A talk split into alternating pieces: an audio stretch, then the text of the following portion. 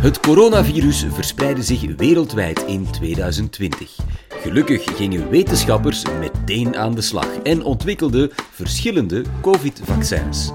Maar zijn er verschillen tussen die verschillende vaccins? En werken ze allemaal even goed? Vaccinologe Corine van der Meulen doorprikt in dit college heel wat mythes. Welk COVID-vaccin is het beste? Dit is de Universiteit van Vlaanderen. In 2019 ontstond er in China een nieuw virus, een coronavirus dat zich heel snel over de hele wereld verspreid heeft en een grote impact heeft op ons dagelijks leven. Bovendien zijn er ondertussen al heel wat mensen gestorven als gevolg van besmetting met dit virus. Maar gelukkig zijn er ondertussen al vaccins. En we hebben er al een aantal. Ja. De vraag is natuurlijk, werkt het ene vaccin beter dan het andere? Want je hoort soms in de media dat er sommigen een werkzaamheid hebben van 65 procent, andere 95 procent. Maar ik kan u nu al geruststellen, alle vaccins werken eigenlijk even goed waarvoor ze moeten dienen. Om te begrijpen hoe vaccins werken, ga ik eerst uitleggen hoe een virus ons lichaam binnenkomt en hoe ons lichaam daar dan op reageert. Een virus is een organisme dat een gastheercel nodig heeft om te kunnen overleven. Het coronavirus bestaat uit een bolletje dat aan de buitenkant uitsteeksels heeft. We noemen die ook stekeleiwitten of spike-proteïnen. Dat stekeleiwit is voor de coronavirus echt heel belangrijk, want het gebruikt het om onze menselijke cel te kunnen binnentreden. Dat is als een sleutel die op een slotje past, waarmee eigenlijk het virus de deur van de menselijke cel kan openzetten om zijn eigen genetisch materiaal binnen te brengen. Dat genetisch materiaal gaat aan onze menselijke cel instructies geven van hoe het nieuwe virus moet maken. En dat is uiteindelijk wat onze menselijke cel gaat doen. Het gaat allemaal nieuwe virussen maken tot eigenlijk onze cel openbarst en de virussen vrijgezet worden en van daaruit nieuwe cellen kunnen besmetten. Die cellen gaan kapot, waardoor dat we eigenlijk ziek worden. Ja. Dat is het gevolg van de infectie van de virus op ons lichaam. Nu, gelukkig hebben we echt een heel straf systeem. Dat is ons immuunsysteem. En ons immuunsysteem bestaat uit verschillende witte bloedcellen. Het zijn verschillende divisies eigenlijk van ons uh, immuunsysteem die ons beschermen wanneer dat wij aangevallen worden door virussen, bacteriën of andere microben.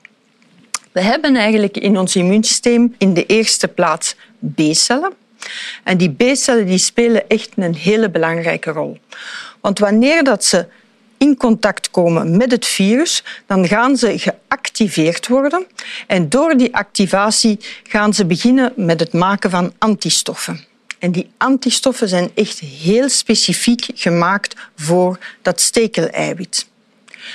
Die antistoffen die zullen eigenlijk, wanneer dat we in een later stadium opnieuw besmet worden met hetzelfde virus, zullen die antistoffen op de buitenkant van het virus op dat stekeleiwit gaan zitten. Ja.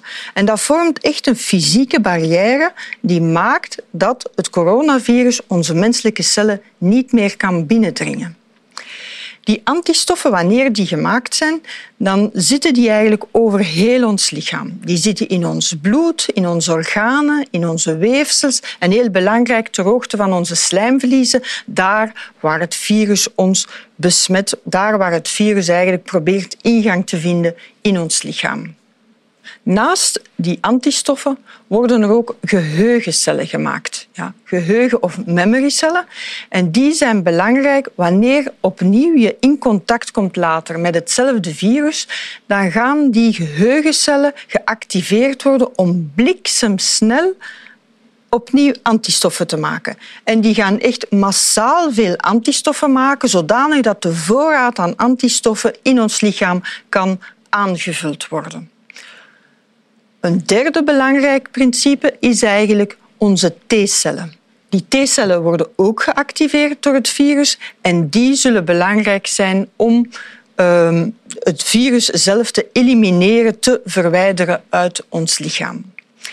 Maar dus die verschillende divisies, de B-cellen, de T-cellen, de antistoffen, de geheugencellen, al die processen samen maken dus dat we beschermd zijn tegen een infectieziekte wanneer we daar opnieuw mee in contact komen en zorgen we er dus voor dat we niet tweemaal opnieuw dezelfde ziekte moeten doormaken.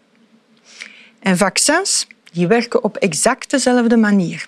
Die gebruiken dus de natuurlijke processen om uw lichaam een handje te helpen om zich te beschermen tegen een aanval met een wild virus, net op dezelfde manier, eerlijk gezegd, als uh, een virus dat zelf doet.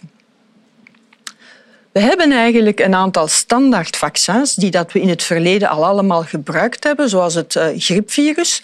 En die vaccins die maken eigenlijk gebruik van een klein stukje van het virus of een hetzelfde virus onder een andere vorm.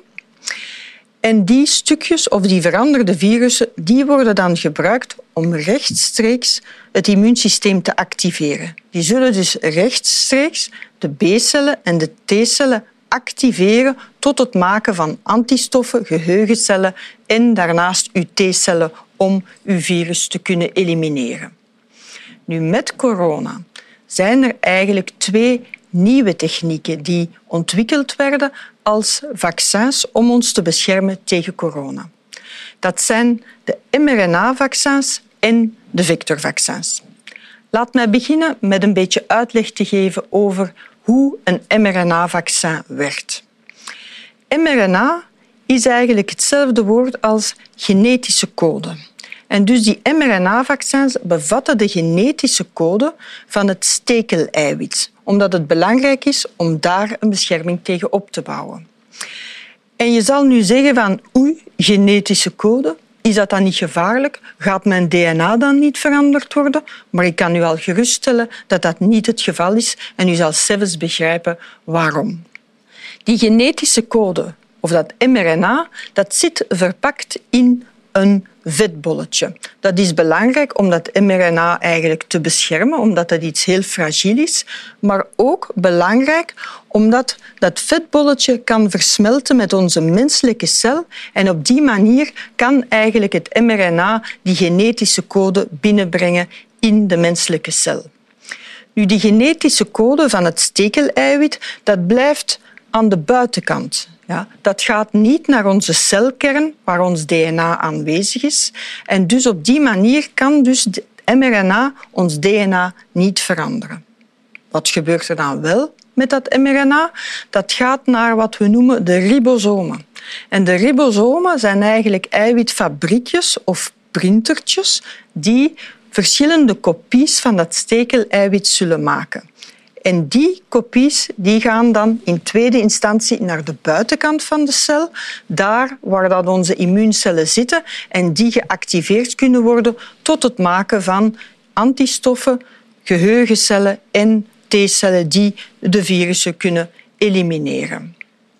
Belangrijk om te weten is dat mRNA-vaccin wordt toegediend ter hoogte van de arm en zal ook daar ter plaatse eigenlijk zijn activiteit uitvoeren. Dus het wil niet zeggen dat eigenlijk het mRNA over heel uw lichaam verspreid wordt en dat er over heel uw lichaam eigenlijk uh, spike-proteïnen gemaakt worden. Dat is één belangrijk eh, gegeven. En een tweede belangrijk gegeven dat proces duurt ook maar enkele dagen. Het is niet zo dat het oneindig doorgaat en dat jouw lichaam oneindig veel spike-eiwitten of uh, stekeleiwitten zal aanmaken. De tweede techniek is het vectorvaccin. En dat werkt eigenlijk op een gelijkaardige manier als uh, het mRNA-vaccin. Het bevat ook de genetische code van het stekeleiwit, maar dat zit nu verpakt in een onschuldig virus. Ja. En de genetische code van het stekeleiwit wordt mee opgenomen in de genetische code van dat onschuldig virus. En op die manier wordt het mRNA van het stekeleiwit aan de, cel, aan de menselijke cel afgegeven, waar opnieuw hetzelfde proces zal gebeuren, namelijk dat zal naar de ribosomen gaan en vanuit de ribosomen worden er opnieuw verschillende kopies gemaakt van het stekeleiwit die dan naar de buitenkant van de cel gaan, waar uh, ons uh, immuunsysteem opnieuw kan reageren met het maken van antistoffen, geheugencellen en T-cellen om het uh, virus te kunnen elimineren. Misschien is het wel geruststellend om te weten dat deze techniek al gebruikt werd voor de aanmaak van ebola-vaccins, om mensen in Afrika tijdens een grote ebola-uitbraak te kunnen beschermen tegen deze verschrikkelijke ziekte. Maar hopelijk hebben jullie wel begrepen door mijn uitleg dat een vaccin eigenlijk op dezelfde manier werkt als een virus. En eigenlijk kan je je lichaam zien als een land dat moet beschermd worden. En ons immuunsysteem is ons leger met zijn verschillende divisies. En wat een vaccin doet, is informatie brengen naar dat leger, zodanig dat het leger zich kan voorbereiden op een grote invasie met het wilde virus. Dat doet het door hinderlagen te leggen onder de vorm van antistoffen en die geheugen B-cellen, maar ook de T-cellen, zodanig dat wanneer dat je lichaam aangevallen wordt door het wilde virus, eigenlijk het heel snel kan uh, gestopt worden en dat eigenlijk het virus niet kan doordringen tot in je lichaam. Het grote verschil is dat vaccinatie een gecontroleerd proces is. Ja waarbij dat je weet wat je toedient, wanneer je toedient, welke dosis dat je toedient, terwijl wanneer je besmet wordt met een virus, het virus ongecontroleerd zijn gang kan gaan in je lichaam. Om nog eens samen te vatten, we hebben dus verschillende vaccins die ons kunnen beschermen tegen corona. Ze werken eigenlijk allemaal op een gelijkaardige manier. Ze zijn ook allemaal even veilig. Maar je hoort soms een verschil in de werkzaamheid. Sommige vaccins zouden 65% beschermen, andere zouden 95% beschermen. Ze beschermen allemaal even goed tegen hospitalisatie en overlijden. Het verschil ligt hem in de bescherming tegen milde infectie. Maar wat is dat, een milde infectie, als je gewoon wat verkoudheidsklachten hebt? Het belangrijkste is om te weten dat je beschermd bent tegen hospitalisatie en overlijden. We gaan ook alle vaccins nodig hebben om te kunnen terugkeren naar ons normaal leven van voor de start eigenlijk van de pandemie, van voor eigenlijk het eh, begin van de coronapandemie. Wil je meer informatie over corona? Informatie die echt wetenschappelijk is? Luister dan naar podcast 241 kunnen we het coronavirus ooit overwinnen? Met Philippe Lardon. Of podcast nummer 247 Is wetenschappelijk onderzoek minder degelijk sinds COVID-19? van Philippe Joris. Heel graag tot een volgende keer.